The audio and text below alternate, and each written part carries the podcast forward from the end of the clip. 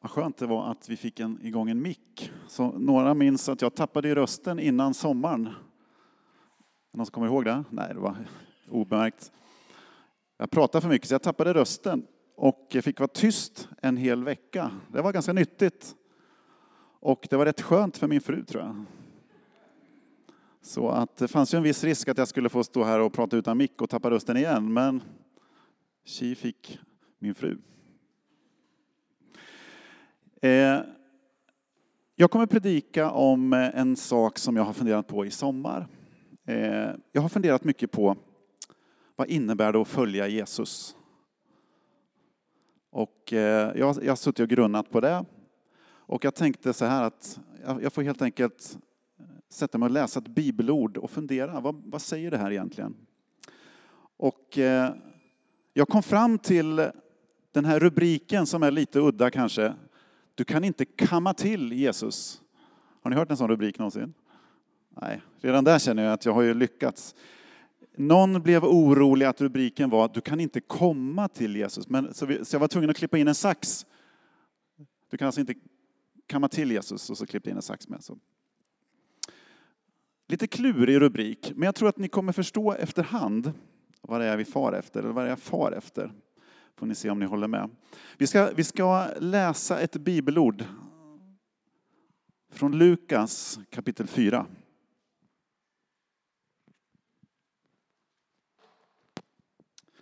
Och vers 14.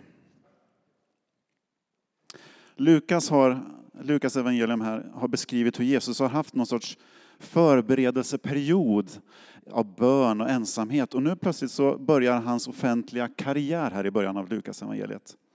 Eh, och vi läser ifrån vers 14, kapitel 4. Texten kommer upp här bakom också. Med andens kraft inom sig återvände Jesus till Galileen och ryktet om honom spred sig i hela trakten. Han undervisade i deras synagogor och alla lovprisade honom. Han kom till Nasaret där han hade växt upp och på sabbaten gick han till synagogan som han brukade. Han reste sig för att läsa och man gav honom profeten Jesajas bok. När han öppnade den fann han det ställe där det står skrivet Herrens ande är över mig, ty han har smort mig till att frambära ett glädjebud till de fattiga. Han har sänt mig att förkunna befrielse för de fångna och syn för de blinda, att ge de förtryckta frihet och förkunna ett nådens år från Herren. Han rullade ihop boken och gav tillbaka den till tjänaren och satte sig. Alla i synagogan hade sina blickar riktade mot honom. Då började han tala till dem och sa, idag har detta skriftställe gått i uppfyllelse inför er. Och alla prisade honom och häpnade över de ljuvliga ord som utgick ur hans mun. Vilka är det som sitter där och hör Jesus säga det här? Det är ju hans samtida landsmän. Judar som räknar sig som Guds folk och som lever i en eh, tid av politisk spänning och förtryck. De har ju en historia, Jesu landsmän, av att man har levt under förtryck genom hela, ofta i, i, i historien. Liksom. Man har varit det lilla folket som har blivit förtryckt av någon. Just nu så är det romarna som är den makt liksom, som eh, regerar där i det området där Jesus rör sig. Man minns, man minns sin historia och en stor berättelse som man ofta återkommer till och som man firar varje påsk, det är ju den här berättelsen om hur Gud en gång tog dem ut ur Egypten under den onde farao. Liksom. De var slavar, men Gud tog ut dem, befriade dem. Och det här löftet väntar man fortfarande på. Och man liksom, de som sitter där, de har ju den här, man håller igång det här hoppet att en dag så ska Gud komma igen och befria sitt folk. Eh, och upprätta sitt rike. Och när, Jesus läser de här orden i Jesaja, då rör han vid den här, den här nerven av det här hoppet. De känner igen det här, det här är en väldigt välbekant text. Eh, och, och de väntar på det här som Jesus kallar för ett nådens år. Tröst och frihet när Gud äntligen ska komma och befria dem och ta itu med dem som förtrycker.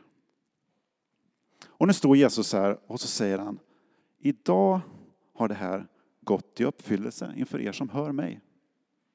Alltså underförstått, Det är jag som ni väntar, det är mig ni väntar på. Det är jag som är smorde budbäraren och ska förmedla det här underbara budskapet. Och visst är det härligt?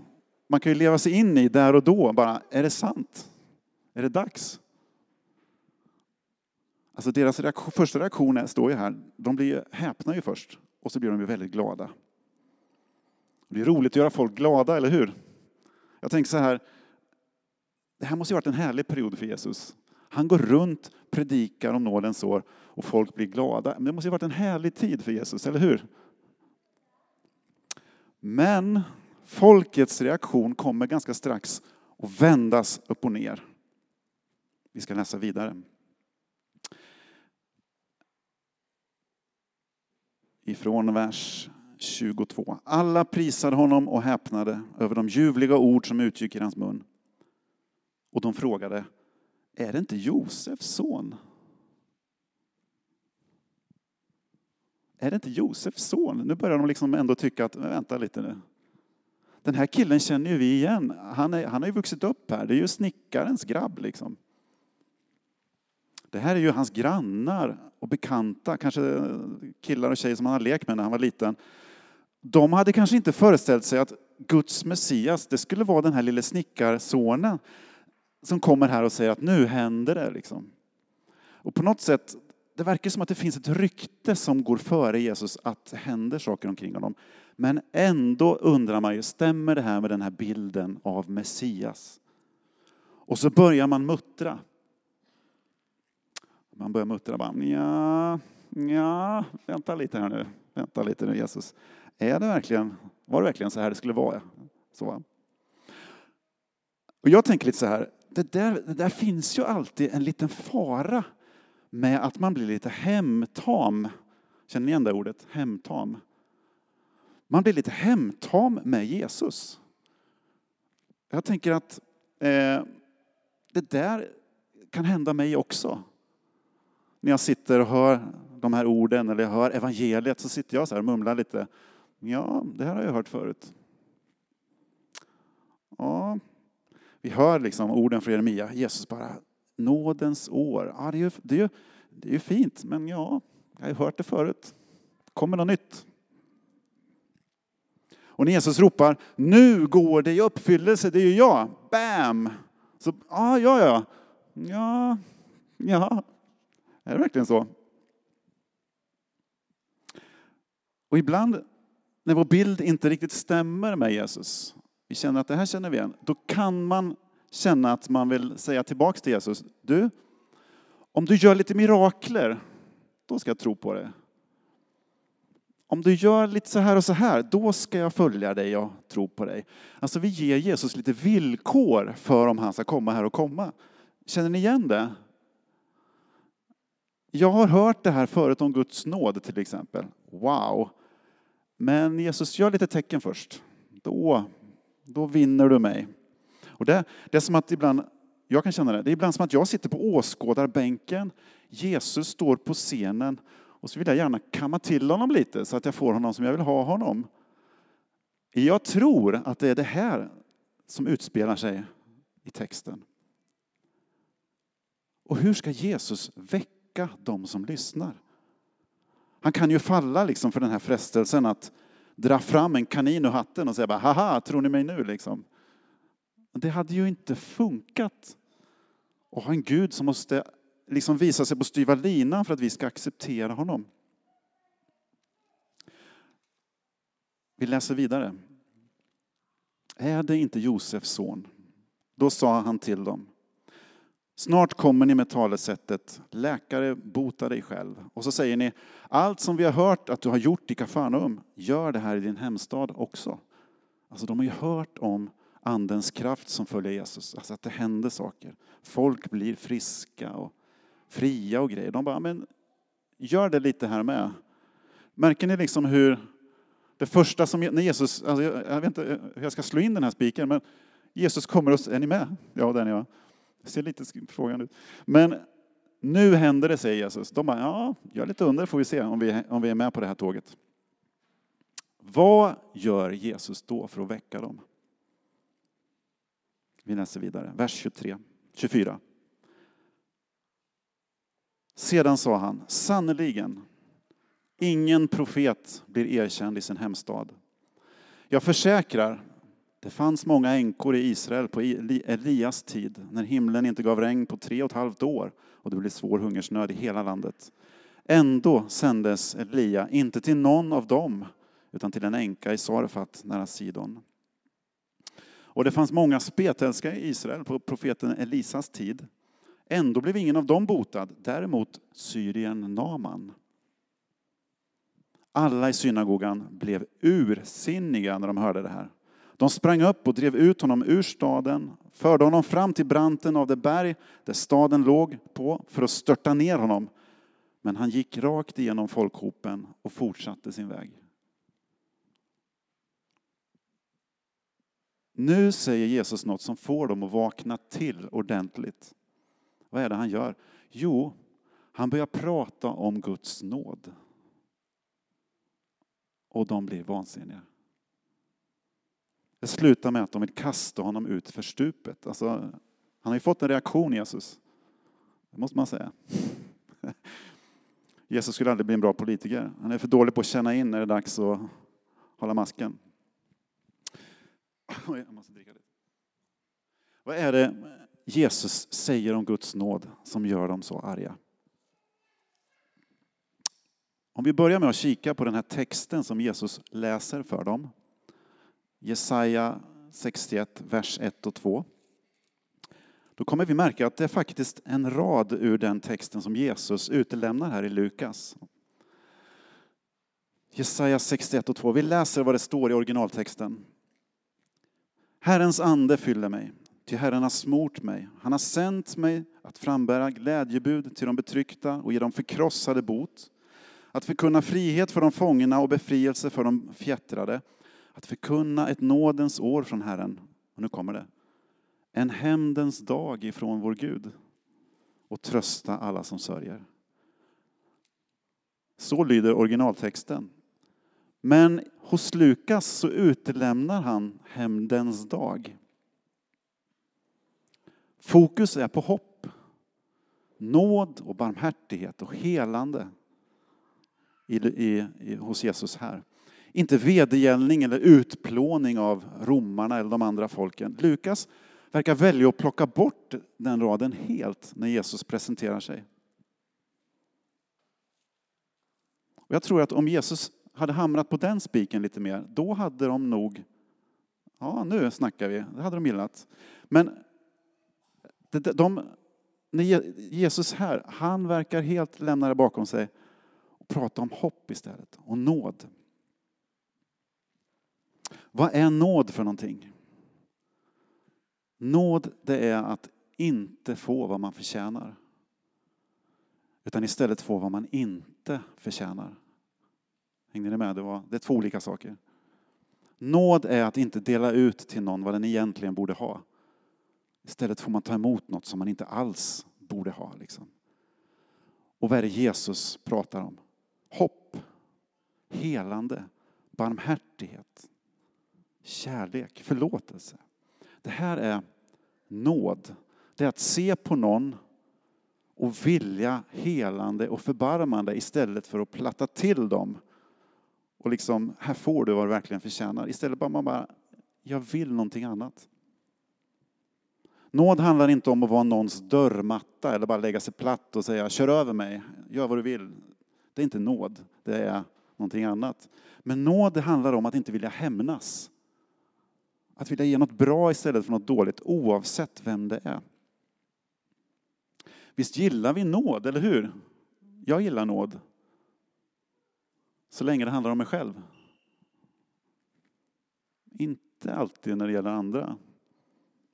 Jag ska ge ett exempel. Nåd is a tricky thing. Så länge det handlar om mig är det gött. Men är lite snålare när det gäller andra. Ni ska få ett exempel. Här i veckan som gick så skulle jag åka på ett möte på mitt andra jobb i kultur och fritids, eh, på kultur och fritidskontoret i Upplands Väsby. Jag skulle åka på det här mötet och jag var lite orolig för jag hade inte gjort vad jag skulle. Jag hade inte varit där på ett tag. Så jag tänkte så här, de kommer bli arga när de ser mig. Är det dags att komma nu liksom? Och jag låg på natten och vaknade upp så här, helt genomsvett. Har ni gjort det någon gång? Så man liksom får byta alla sängkläder. Man bara vaknar upp bara helt genomblöt bara av svett för att jag är så nervös inför det här mötet. Och jag åker dit och jag har förberett lite, hur ska jag vara? Liksom. Jag, jag försöker att bara ta det som det kommer. Och när jag kliver in i rummet, då får jag en helt annan reaktion. De kommer så här bara, vad kul att du är här! Och så bara kramar de, jag får kramar av alla i rummet.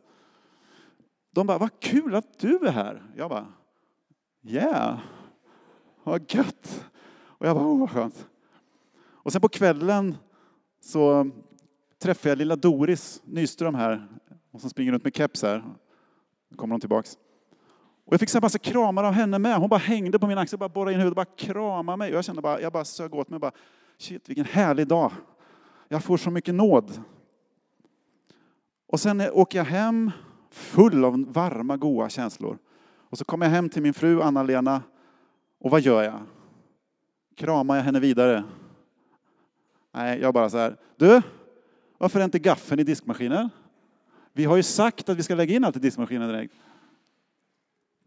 Så glömsk av vad jag själv upplevde alldeles nyss. Alltså det, det, det här är klassiskt och det här pekar Jesus ofta på i Bibeln. Hur lätt vi har att få massa förlåtet, saker vi inte kan hantera, skuld. Och sen när vi träffar någon som är skyldig oss något litet, då är vi på dem. Liksom. Hörru du, är det inte dags att betala igen den där femman?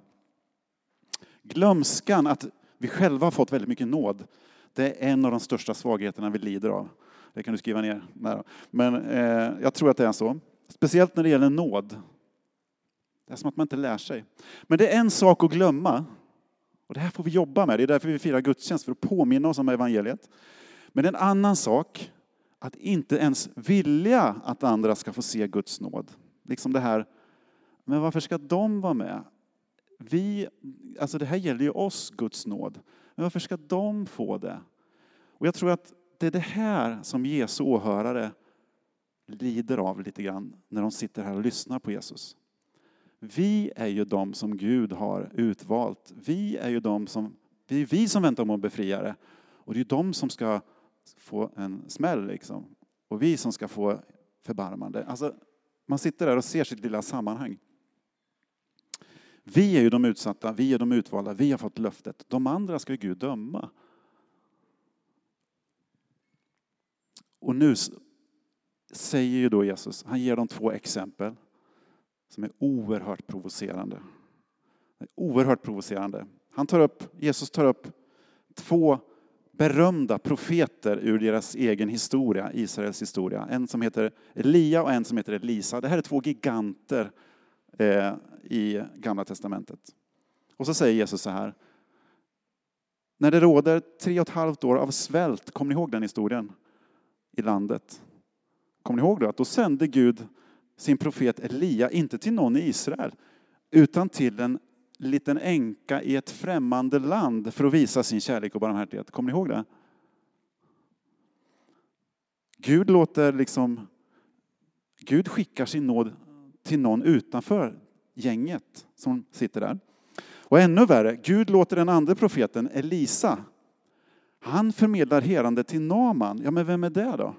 Naman var en officer i den arameiska hären, alltså fienden till Israel. Och arameerna har varit riktigt, riktigt jobbiga genom många år för Israel. De har bråkat med dem mycket. Och det fanns då en, en spetälsk eh, officer som hette Naman. Och Gud skickade Lisa till att förmedla helande till honom istället för alla där hemma. Alltså vad håller Jesus på med? när han säger de här grejerna. Det är helt provocerande. Och poängen är, Gud visar nåd mot helt fel personer. Den här laddningen med Namans helande, det var någon teolog som jämförde det med att det är som om under andra världskriget att Gud skulle skicka någon av fransmännen eller engelsmännen till Hitler med, med helande. Fattar ni? Det, det är olidligt. Jag tycker att, blä, lägg av liksom. Det är som att bara Guds nåd skjuter helt snett. Man bara, men vänta lite nu. Varför ger du nåden till dem? Det är helt fel. Guds provocerande nåd. Kan jag få upp det? Där. Guds provocerande nåd, lägger Jesus ut. Och jag tänker så här, om inte Guds nåd får oss att antingen välta av stolen av glädje, för att det är bara wow, eller vilja kasta Jesus ut för stupet i vansinne på honom. Vad är det han säger? Då kanske vi inte har greppat det här enorma, fantastiska med Guds nåd. Gud håller sig inte alls inom våra ramar för hur han ska förmedla sin nåd. Han ger sin nåd till vem han vill. Jag läste en, jag läste en kurs i etik på universiteten en gång. Och då såg vi en film eh, som handlar om ett par föräldrar som förlåter sin dotters mördare. Eh, och de åker och besöker sin dotters mördare i fängelset. De visar honom kärlek och barmhärtighet och säger att vi förlåter dig. Och det är en stark film om förlåtelse. Det var liksom det vi höll på att prata om här på den här kursen, förlåtelse. Och en, en person i salen här, det är ganska många elever som sitter och ser den här filmen, en person räcker upp handen och protesterar med rösten i falsett och, och säger så här, så här gör man inte. Kan ni gissa vem den personen var? Det var jag. Jag minns det. Jag blev så vansinnigt provocerad. Jag bara, så här gör man inte. Sån är Guds nåd. Han ger oss inte vad vi förtjänar. Han ger hellre vad vi inte förtjänar. Sånt här är budskapet om Herrens nåd, om nådens år. Att Gud till och med går med nåd till sina fiender. Och jag tänker så här, varför Jesus? Varför? Varför gör du så här? Varför? Vad är poängen liksom? Jag tror att det finns ett enkelt svar, eller ett enkelt svar. Jag tror att man, det finns ett svar. Så räddar Gud världen. Det här är världens räddning. Nåd. Det är så Gud räddar världen, genom nåd. Han skulle kunna komma med dom, jag tror, ja, han skulle kunna komma med dom och köra, men nåd är hans sätt. Och varför då? Jo, vad händer med änkan i Sarefat? Fienden Naman, mördaren i fängelset. Vad händer med mig när vi smakar Guds nåd? Vad vill Gud göra? Jag tror att Gud vill att våra hjärtan ska bli fulla av samma nåd. Det är världens hopp. Jag tror det. Jag tror att det finns en outtalad fråga mellan raderna här när vi läser Lukas. När Jesus kommer med budskapet om Guds nåd, vill du ta emot honom? Eller vill du räcka kammen till honom? Du, kamma till dig. Det här passar inte mig.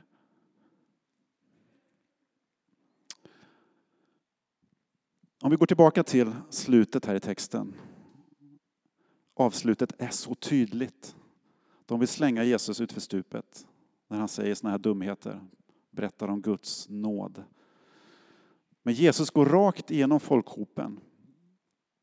Vi ser liksom hans ryggtavla bara. Och jag känner så här, budskapet är tydligt. Ta rygg på Jesus. Du kan inte kamma till Jesus så han passar dig. Du kan inte styra Jesus. Du kan bara följa honom. Och vart går Jesus? Han går till korset. Det kommer ett kors här strax. Där. Jesus går till korset för att lägga ner sitt liv för världens frälsning, inte för att ta makten med våld, utan han kommer för att ge sin nåd. Och det där är ju svaret på om Jesus kan du göra lite mirakler som vi kan tro på dig. Det här är svaret. Korset.